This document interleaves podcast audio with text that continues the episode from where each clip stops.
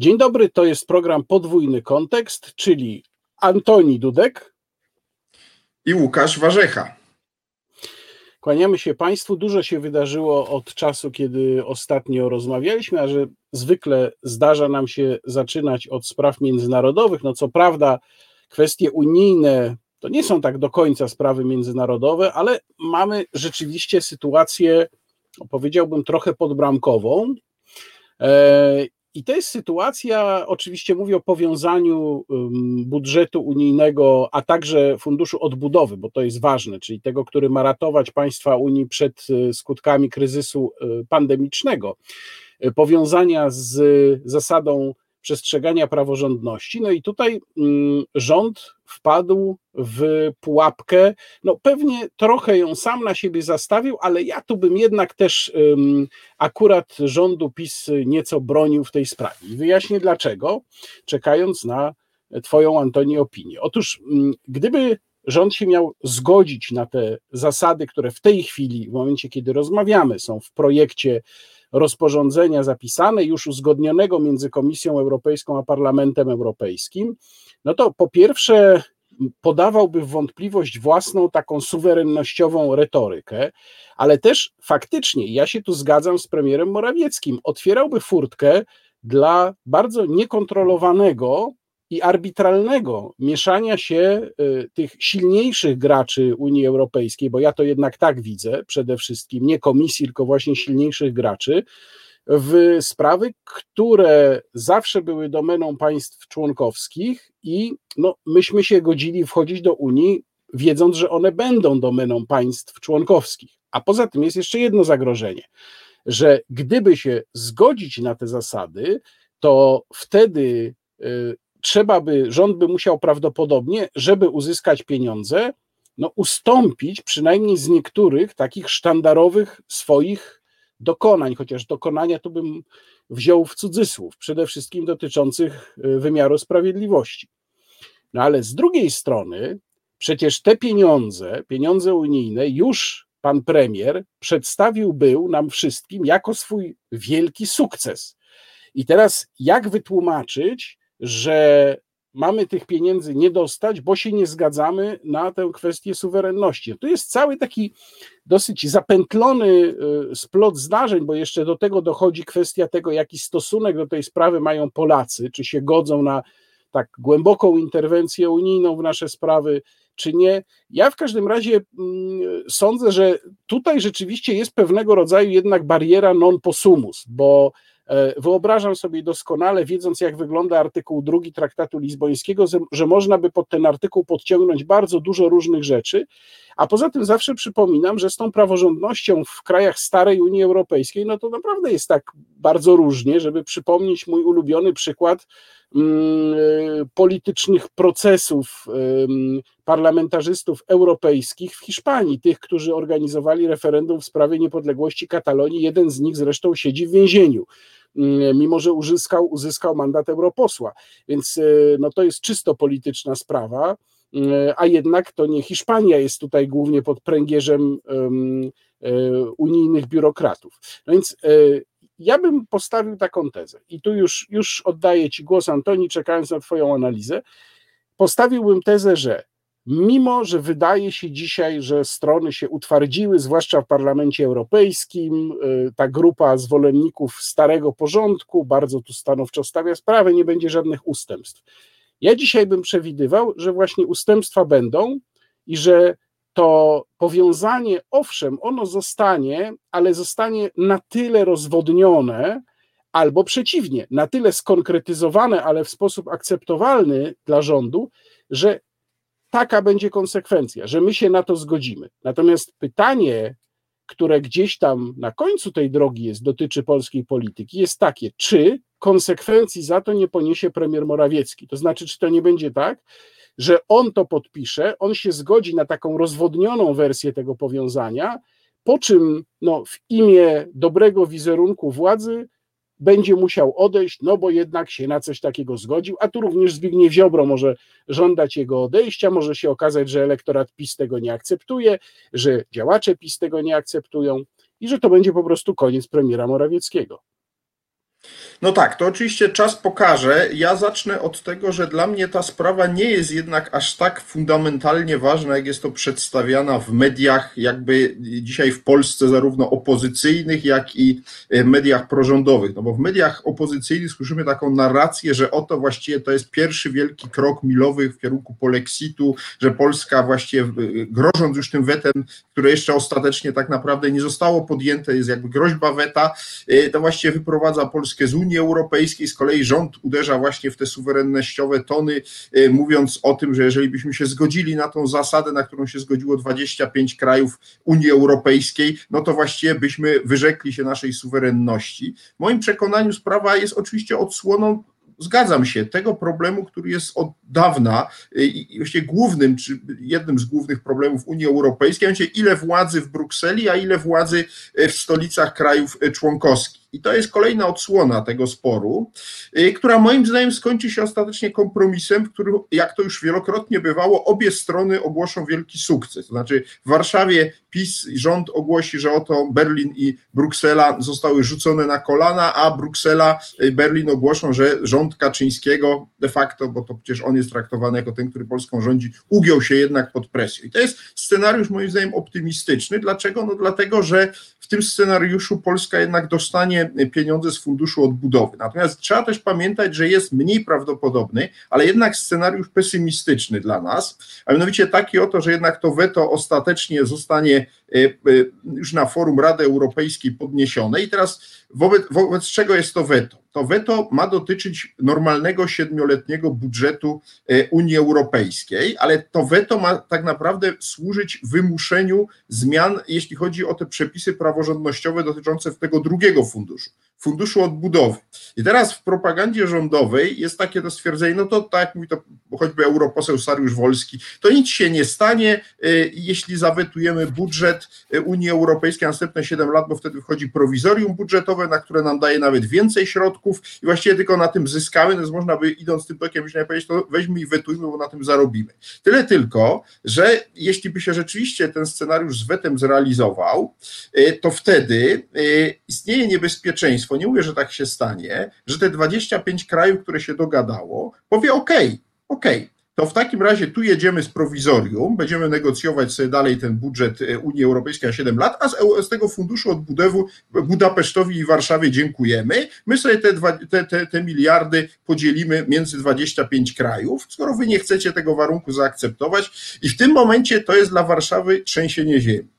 Dlatego, że w tym momencie nagle się okazuje, że Polska straciła kilkadziesiąt miliardów, e, które będą niezbędne, no, żeby odbudować gospodarkę, bo przecież widzimy, co się dzieje. Druga fala pandemii jest znacznie bardziej pustosząca dla gospodarki. I to jest wtedy scenariusz, w którym nie tylko premier Morawiecki, ale cały rząd PiSu może się znaleźć na krawędzi przepaści. Nie mówię, że wpadnie w nią, ale byłoby to bardzo prawdopodobne. To było coś, co moim zdaniem byłoby trzęsieniem ziemi znacznie większym niż e, wyrok Trybunału Konstytucyjnego i jego konsekwencje, które obserwujemy od paru tygodni. Tyle tylko, że to się, gdyby się to miało wydarzyć, to za wiele tygodni, a nawet miesięcy, czyli gdzieś tam e, w przyszłym roku, bo tu niewątpliwie rząd PiSu też gra na to, żeby ta cała sprawa e, przeciągnąć ją do, do nowego roku, kiedy prezydencję niemiecką zastępuje prezydencja portugalska. I tutaj no, jest wielka nadzieja, że Portugalczycy będą mniej naciskać w tej sprawie niż Niemcy w sprawie owej praworządności. Więc i takie jest, mam wrażenie, myślenie e, w Warszawie. Więc ja zakładam optymistycznie, że to się skończy no, znowu na biciu piany i na jakimś e, kompromisie, ale takie odsłony będą się jeszcze wielokrotnie zdarzały tego konfliktu między właśnie e, ile władzy w stolicach krajów członkowskich, ile władzy w Brukseli. Ja bym nie uderzał w takie tony właśnie, które się uderza jakieś potwornie suwerennościowe, że to jest jakiś non-possum, to jest taki krytyczny moment, że właściwie za chwilę to w ogóle no, y, powstanie, powstaną Stany Zjednoczone Europy, prawda, w której będą, nas, jak to oglądam w wiadomościach już od kilku dni moim ulubionym, ulubionym programie y, satyryczno-propagandowym, że będą targi gejowskich niewolników, dzieci, prawda, y, się odbywały w Warszawie i w innych miastach, bo więcej taka jest konsekwencja rzekomo, czyli 25 krajów już się zgodziło Unii Europejskiej na to, żeby u nich się odbywały targi, prawda, gejowskie, na których gejowie sobie kupują dzieci, prawda, tylko jeszcze Polska i Węgry y, jako ostatnie, prawda, resztki tej zachodniej kultury bronią, prawda? No, to jest absurd.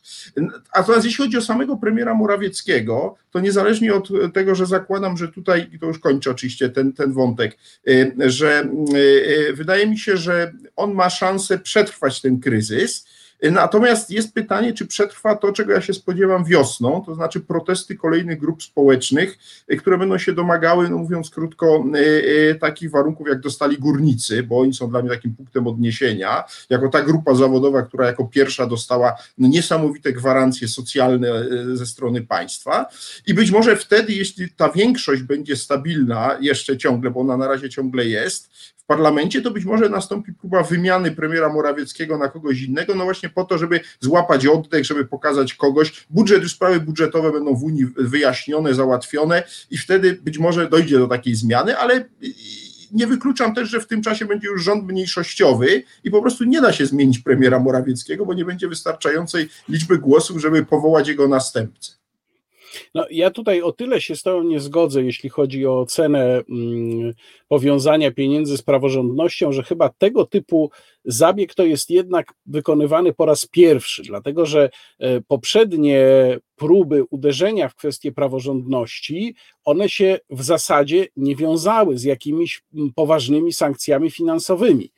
A tutaj mamy powiązanie dwóch bardzo dużych e, zobowiązań finansowych, bo raz siedmioletnia perspektywa budżetowa, dwa fundusz odbudowy z kwestią praworządności, która zarazem jest niesamowicie arbitralna, bo nawet jeśli ona tam została jako tako zdefiniowana na podstawie kryteriów Komisji Weneckiej, która to Komisja Wenecka przecież jest ciałem w ogóle spoza Unii Europejskiej, więc to też jest ciekawy zabieg, no ale jednak wiemy doskonale, że można pod to podciągnąć w zasadzie prawie że wszystko. Znaczy, gdybyśmy chcieli, to tak naprawdę moglibyśmy o praworządność ścigać i Francję, i Niemcy, i Hiszpanię właśnie, i pewnie i Szwecję i bardzo dużo krajów, nie wiem, który by się ostał, prawdę mówiąc, yy, no może tam ze dwa, trzy by się ostały temu, temu pościgowi w sprawie praworządności. No ale że są przyczyny polityczne, żeby uderzać w ten rząd i w rząd węgierski, e, no to wygląda to tak, jak wygląda.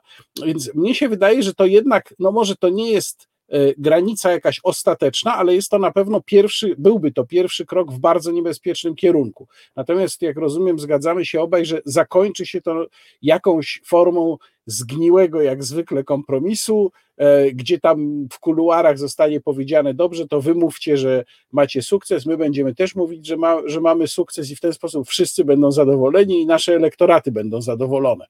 I pewnie rzeczywiście tak będzie, ale tendencja sama w sobie moim zdaniem jednak jest y, groźna, no bo tu mówimy generalnie o tym, w jakim kierunku w ogóle Unia Europejska pójdzie.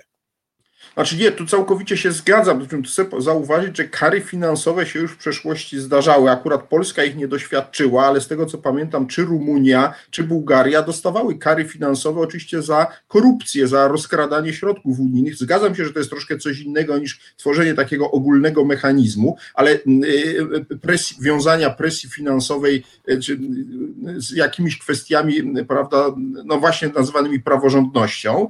Natomiast jak się przeczyta czyta dokładnie ustalenia lipcowego szczytu, to jest takie bardzo długie, barokowe zdanie i wylicza, na czym ta praworządność ma polegać, to trudno tego kwestionować, bo tam jest mowa o tym, że najkrócej mówiąc, sądy mają być niezależne, mają działać transparentnie, prawda? Więc to, y, y, do tego trudno mieć zastrzeżenia. Rzecz polega na interpretacji tego, prawda? I kto ma właściwie interpretować, czy te sądy są niezależne, czy nie są. Otóż i to sankcje. Dokładnie, ale właściwie w istocie rzeczy dotąd Komisja Europejska też karała, no bo można powiedzieć, że ukarano niesłusznie Bułgarów czy Rumunów, bo tam korupcji nie było, choć podejrzewamy obaj, że tam była, no ale można powiedzieć, że arbitralnie Komisja Europejska uważała, że są rozkradzione te środki i nakładała kary y, na, na, na, na te kraje, więc, więc ja bym nie mówił, że to jest coś absolutnie bez precedensu, zgadzam się, że jest to próba rozszerzenia, no bo cały czas rzeczywiście jest tak, że y, jest część krajów w Unii, które mówią o ściślejszej integracji, ale wbrew temu, co się mówi też w Polsce, to nie Niemcy tutaj są takimi główny, głównymi forsującymi, to raczej Francja i prezydent Macron miał taką wizję ściślejszej integracji, stworzenia tej Unii takiej węższej, prawda? I to właściwie Niemcy odrzucili, o tym też trzeba pamiętać. Więc ja bym na to patrzył naprawdę z dystansem. Dla mnie ważniejsze jest jednak, czy Europa sobie poradzi z koronakryzysem, y, przez to, jak mówię, rozumiem nie tylko walkę z epidemią, która sama w sobie jest oczywiście dramatyczna, y, ale też mm, walkę z, y, po prostu ze skutkami gospodarczymi. Ja czytałem Twój artykuł w Rzeczpospolitej o wizycie we Wrocławiu, no i, i tym, co się tam dzieje w tym biznesie hotelarsko-gastronomicznym, czyli właśnie o jego agonii, i to, i to rzeczywiście robi wrażenie, bo to podejrzewam wygląda nie tylko we Wrocławiu tak dramatycznie, a przecież wiemy doskonale, że to jest tylko część szerszego problemu. Nie tylko te branże, o których wspomniałem, nie tylko gastronomia i hotelarstwo są w tej chwili na skraju zapaści, ale jeszcze kilka innych branż. I jest oczywiste, że budżet nie będzie już im w stanie na taką skalę pomagać, jak to było wiosną, bo po prostu tych środków nie ma. I w moim przekonaniu to jest realny problem i, i to będzie rzutowało na nastroje polityczne i na wydarzenia najbliższych dni, a na razie myślę, że pora, żebyśmy porozmawiali trochę o tym, co już się na polskich ulicach wydarzyło w ostatnich tygodniach. No mieliśmy Marsz, Marsz Niepodległości. Nie wiem, jakie ty masz wrażenie, ale ja mam wrażenie, że no doszło do kompromitacji tej imprezy, dlatego że o ile sam pomysł tego przejazdu rzeczywiście był bardzo dobry, no to gdyby rzeczywiście tysiące samochodów przejechały przez tą Warszawę z flagami, prawda, to zrobiłoby wrażenie. No natomiast widzieliśmy, co się wydarzyło. E, no mieliśmy do, do czynienia z tym, co było zawsze marginesem e, dla mnie Marszu Niepodległości, bo tak uważałem w przeszłości, że te różne grupki, które się tam głównie chodziło im o to, żeby czymś porzucać, coś poskandować, kogoś pobić, no to teraz zdominowały ten marsz, bo tak naprawdę głównie oni, ci zadymiarze się na tym marszu e, zjawili i moim zdaniem skompromitowali tą imprezę. Ja nie twierdzę że ona już nie ma żadnego sensu, natomiast wydaje mi się, że ona będzie obciążona już bardzo mocno stygmatem tego, co się wydarzyło tegorocznego 11 listopada. No, ja, ja patrzę na to trochę inaczej. To znaczy, yy, po pierwsze, mieliśmy tym razem dosyć zgodny, z powodów moim zdaniem czysto politycznych, przekaz mediów antyrządowych i rządowych, które pokazywały właśnie głównie te grupy agresywnych yy, chuliganów, które tam oczywiście były. No, jakaś ich, jakaś część yy, zawsze Marszu Niepodległości to były takie grupy, tylko mała, bardzo mała nawet. I ja nie jestem wcale przekonany, czy w tym roku ona była szczególnie większa niż na przykład dwa lata temu. Natomiast na pewno było to eksponowane przez obie, e, oba skrzydła medialne. Jedno mm, dlatego, że zawsze tak robiło, drugie dlatego, czyli to prorządowe, bo mam wrażenie, że takie było zadanie na ten rok. I taką dyspozycję dostała również policja. Jeżeli mówisz o tym, że marsz się nie odbył w formie zmotoryzowanej, tylko spieszonej, to nie tylko jest to hipoteza, ale to zostało udokumentowane, że kierowców właśnie policja zatrzymywała i kazała im wysiąść z samochodów i iść dalej piechotą. Oczywiście pewnie jakaś część uczestników y, marszu i tak przyszła piechotą, mimo zapowiedzi, że ma to być marsz zmotoryzowany, ale jakaś część została do tego zmuszona przez policję, która potem o to miała pretensje. Mm, więc to jest pierwsza kwestia. Druga kwestia jest y, o działania policji. I tu możemy powiązać to z kwestią strajku kobiet. Myślę, że w ogóle można o tych, w pewnym sensie o tych dwóch e, kwestiach mówić e, łącznie, mm, no bo mieliśmy ewidentnie bezprecedensowy wzrost e, agresywności czy asertywności policji na Marszu Niepodległości, również tam, gdzie nie było do tego żadnego uzasadnienia. E, I potem, jakby dla równowagi, w tym ostatnim proteście kobiet, również mieliśmy już taką postawę policji, czyli inną niż ona wcześniej prezentowała w czasie strajku kobiet. Ale jeszcze wracam do Marszu Niepodległości. Marsz Niepodległości dla PiSu zawsze był problemem i nigdy nie był lubiany, zawsze był tak traktowany jako coś, co no dobrze, już musi być, no to niech będzie, nie będziemy przecież się z nimi kłócić, ale no, nie lubimy za bardzo i nie cenimy za bardzo. No i pojawiła się okazja, żeby właśnie wpoić taki obraz, że to jest impreza zadymiarska. Oczywiście przy współpracy tych, którzy naprawdę przyszli tam robić zadymę, no bo jak powtarzam, oni zawsze byli na Marszu Niepodległości w jakiejś liczbie.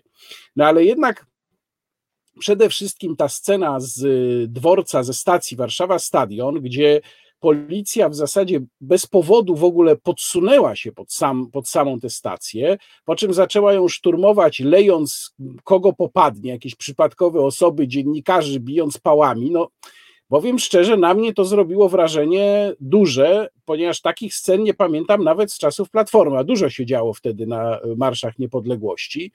Mm, mieliśmy też do czynienia kilkakrotnie z łamaniem prawa, na przykład ta słynna bardzo przykra sytuacja ze zranieniem fotoreportera tygodnika Solidarność. Jak się jej przyjrzeć na nagraniu, które sama policja pokazała, to widać, że y, pan Gutry dostał gumową kulą ponieważ rzeczywiście stojąc znalazł się na linii strzału, ale z uciekającym już napastnikiem, który wcześniej rzucił w policjantów racą.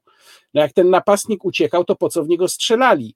To jest sprzeczne z y, ustawą y, o środkach przymusu bezpośredniego i broni palnej, której policja jest zobowiązana przestrzegać.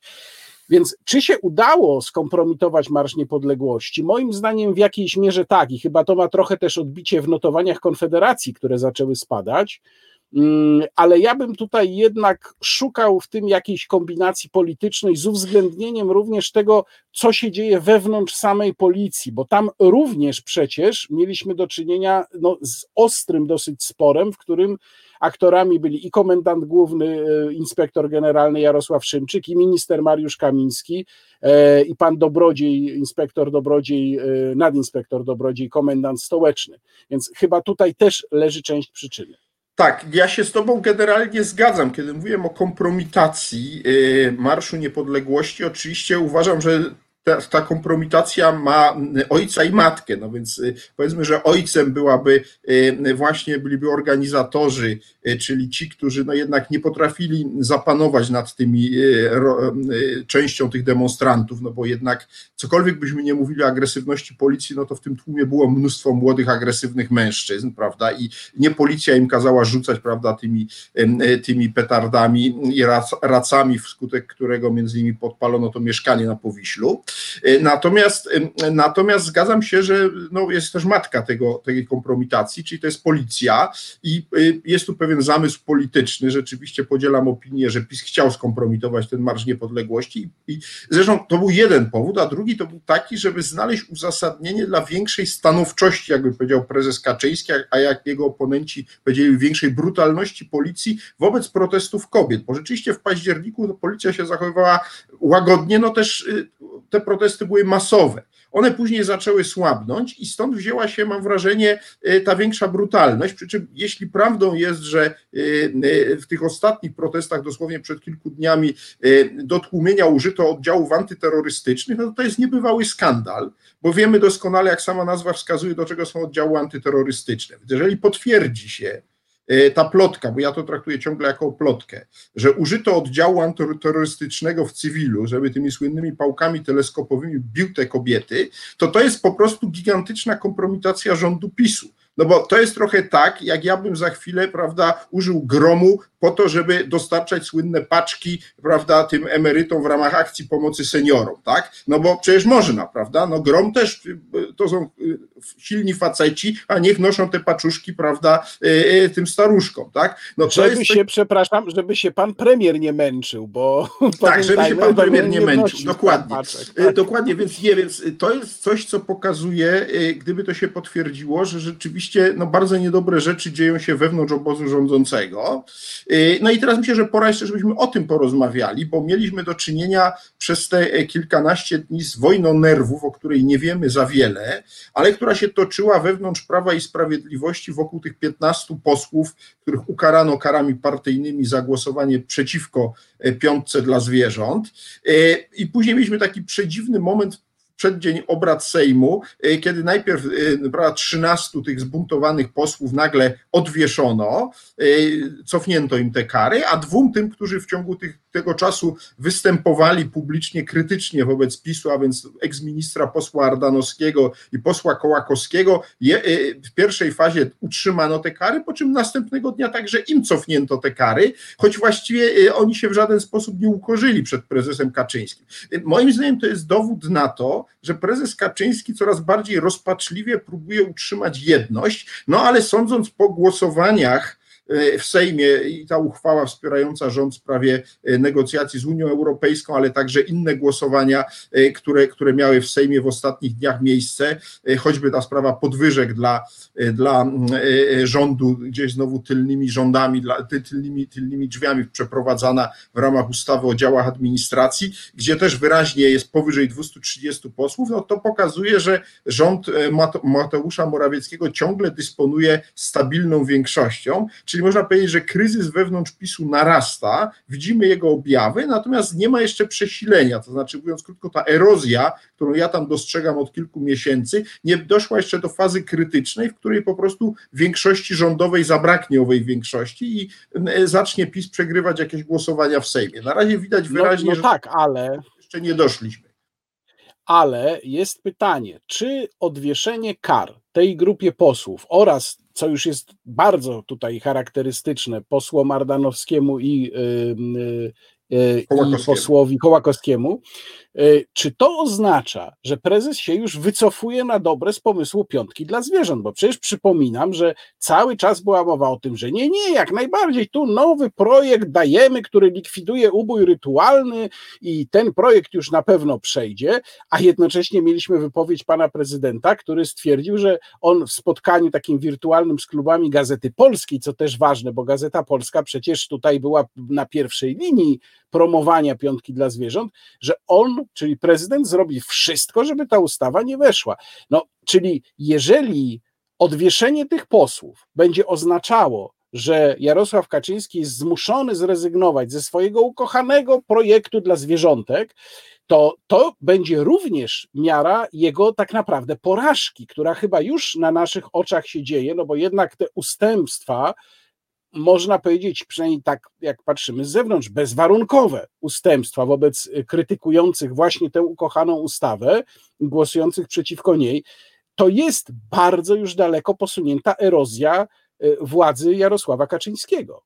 Moim zdaniem tak. Zgadzam się, że piątka do zwierząt trafiła do głębokiej zamrażarki i y, oczywiście w jakimś niezwykle korzystnym dla Kaczyńskiego rozwoju wydarzeń może z tej zamrażarki kiedyś tam w przyszłości wrócić, ale zdziwiłbym się, gdyby to się tak ułożyło. Moim zdaniem ta sprawa po prostu, y, Kaczyński mógłby tylko w jeden sposób to przeprowadzić, a mianowicie wspierając, y, biorąc głosy opozycji. To jest dokładnie inna wersja tego, co PSL zaproponował ustami y, jednego ze swoich głównych polityków rządowi Morawieckiemu, żeby się nie przejmował Ziobrą, tylko akceptował, prawda, te warunki Unii Europejskiej i przy ratyfikacji, prawda, tego posłowie PSL-u poprą, poprą rząd i nie będzie problemu z e, ziobrystami, bo, bo klub PSL-u jest większy niż liczba posłów e, partii e, Ziobry. Natomiast, natomiast w oczywisty sposób nie skorzysta Kaczyński ani z propozycji PSL-u w sprawie no właśnie relacji z Unią Europejską, ani nie skorzysta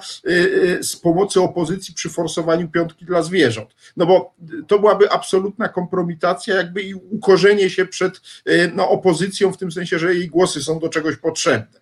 Więc w moim przekonaniu y, piątka dla zwierząt trafiła do bardzo głębokiej zamrażarki. Natomiast jest pytanie, co będzie z innymi sprawami, y, które są na horyzoncie i które są y, przed pisem, no i przede wszystkim budżetem, ustawą budżetową, bo moim zdaniem to jest najtrudniejsza z wszystkich tych ustaw, które w najbliższych tygodniach muszą, a ustawa budżetowa musi być w moim przekonaniu gdzieś do połowy grudnia przyjęta, bo później zaczynają biec te terminy, no, które, które by mogły hipotetycznie prezydentowi Dudzie dać podstawę do przedterminowych wyborów, do czego moim zdaniem oczywiście on nie dąży, ale niemniej jednak budżet powinien być uchwalony do połowy grudnia i mam wrażenie, że e, no, rząd będzie musiał się teraz nad tym budżetem bardzo, pochyla się teraz w Sejmie bardzo mocno, jego przedstawiciele, bo najkrócej mówiąc, no, z każdym tygodniem rosną, e, rosną e, koszty, koszty tego, co, co się dzieje. I teraz chciałem powiedzieć o jednej rzeczy, która na mnie zrobiła olbrzymie wrażenie, a mianowicie o wykresie, który w tej chwili mam nadzieję, kiedy ja to mówię, będziecie Państwo mogli zobaczyć, wykresie liczby zgonów y, y, w, y, w ostatnich latach w porównaniu z tym rokiem w podziale na tygodnie. A więc to jest wykres, który pokazuje, ile w ostatnich latach w każdym tygodniu danego roku osób umierało w Polsce w ogóle, nie, nieważne z jakich względów. I widać wyraźnie tą czerwoną linię, która w ostatnich pięciu tygodniach skacze w straszliwy sposób do góry. I ten potężny wzrost to jest oczywiście efekt pandemii, ale nie wprost wyłącznie koronawirusa, ale także tego wszystkiego, co koronawirus powoduje. Czyli mówiąc krótko, to są te wszystkie e, zgony na tle zawałów serca, być może samobójstwa, to są też liczone, być może, być może są liczone, nawet na pewno są liczone, prawda, wszystkie zgony na, na, na wszelkie możliwe choroby. I także oczywiście ofiary wypadków, ale do czego zmierzam? To znaczy, w moim przekonaniu ten wykres, którego ta krzywa, no widać, jeszcze nie opada, ona cały czas rośnie w górę, pokazuje nam skalę zapaści systemu służby zdrowia w Polsce i wokół tego będzie się toczył olbrzymi spór to znaczy, czy można było zrobić więcej, dlatego że ja podejrzewam, że jeżeli ten wykres dalej będzie szedł pod górę tak mocno, to za powiedzmy 3-4 miesiące nagle się okaże, że my jesteśmy światowym liderem, a przynajmniej europejskim liderem, jeśli chodzi o liczbę zgonów, w związku z tą zapaścią systemu opieki zdrowotnej i zacznie się szukanie winnych. I to będzie dla rządu w sensie politycznym olbrzymi problem, no a za nim idzie kolejny, oczywiście, to znaczy konieczność radykalnego naprawienia służby zdrowia, co wymaga ogromnych środków, których w związku z tym nie można dać na przykład na ratowanie tych branż gospodarki, które, e, które e, no w tej chwili tej pomocy wymagają. Czyli mówiąc krótko, powtarzam raz jeszcze moją tezę, którą tu już od dłuższego czasu głoszę. Z każdym już nawet nie miesiącem, ale tygodniem rządzenie Polską będzie coraz trudniejsze i będzie wymagało coraz bardziej bolesnych decyzji, które będzie musiał rząd Prawa i Sprawiedliwości podejmować, a to się musi nieuchronnie odbić na jego popularności.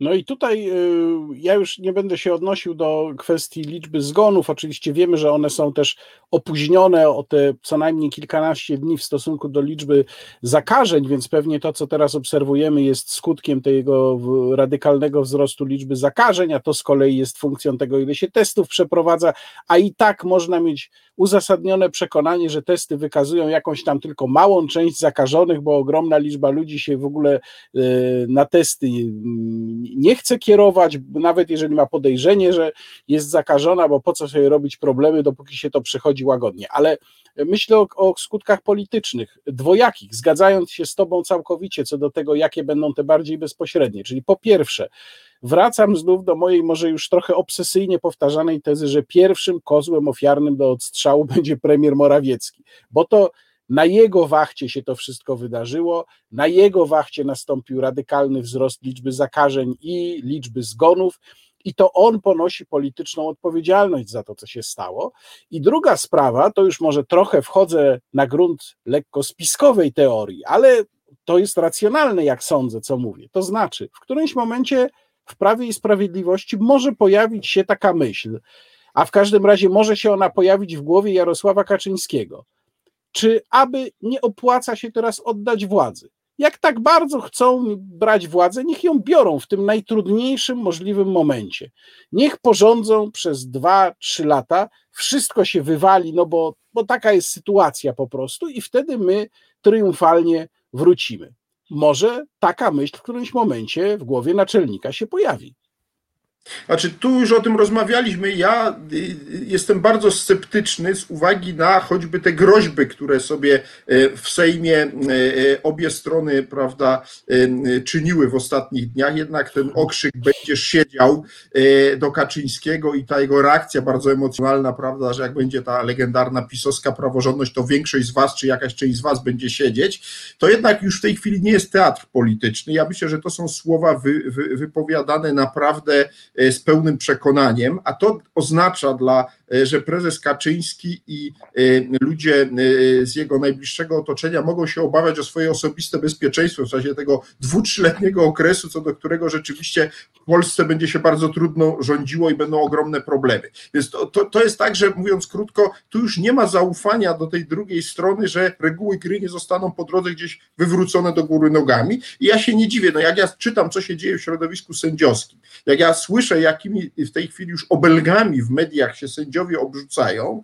i wiedząc, jaka jest proporcja sił w obozie sędziowskim, jestem sobie w stanie doskonale wyobrazić sytuację, że rzeczywiście e, w momencie, w którym PiS traci większość i przejmuje większość w parlamencie opozycja i można uchylać immunitety e, poselskie polityków PiSu, po niedługim czasie pokaźna część z nich będzie swój mandat poselski realizowała z aresztów śledczych. I w związku z tym myślę, że ta obawa tam jest bardzo mocna i to sprawi, że na ten scenariusz PiS nie pójdzie. Choć oczywiście on intelektualnie jest atrakcyjny, on jest ciekawy, tylko on się zdarza w stabilniejszych demokracjach niż nasza. Nasza jest moim zdaniem cały czas na krawędzi y, stoczenia się niestety w system taki półautorytarny i, i moim zdaniem w związku z tym nie ma mowy o oddawaniu władzy po to, żeby ją do niej wrócić za kilka lat w lepszej sytuacji. W moim przekonaniu tutaj Tutaj, e, e, jeśli PiS straci władzę, natomiast będzie legenda, straciliśmy ją z powodu pandemii prawda, już nawet nie knowania Tuska, nie, prawda, Bruksela, nie Niemcy, e, nie nawet upadek Trumpa, tylko głównym powodem była pandemia, gdyby nie pandemia, Polska pod rządami PiSu kwitłaby i myślę, że tak, na takiej legendzie będzie budowana tożsamość Prawa i Sprawiedliwości w przyszłości. No, my w każdym razie w programie Podwójny Kontekst władzy nikomu nie oddajemy. Wrócimy do Państwa za dwa tygodnie. My, czyli Antoni Dudek i Łukasz Warzecha. Zapraszamy. Do zobaczenia.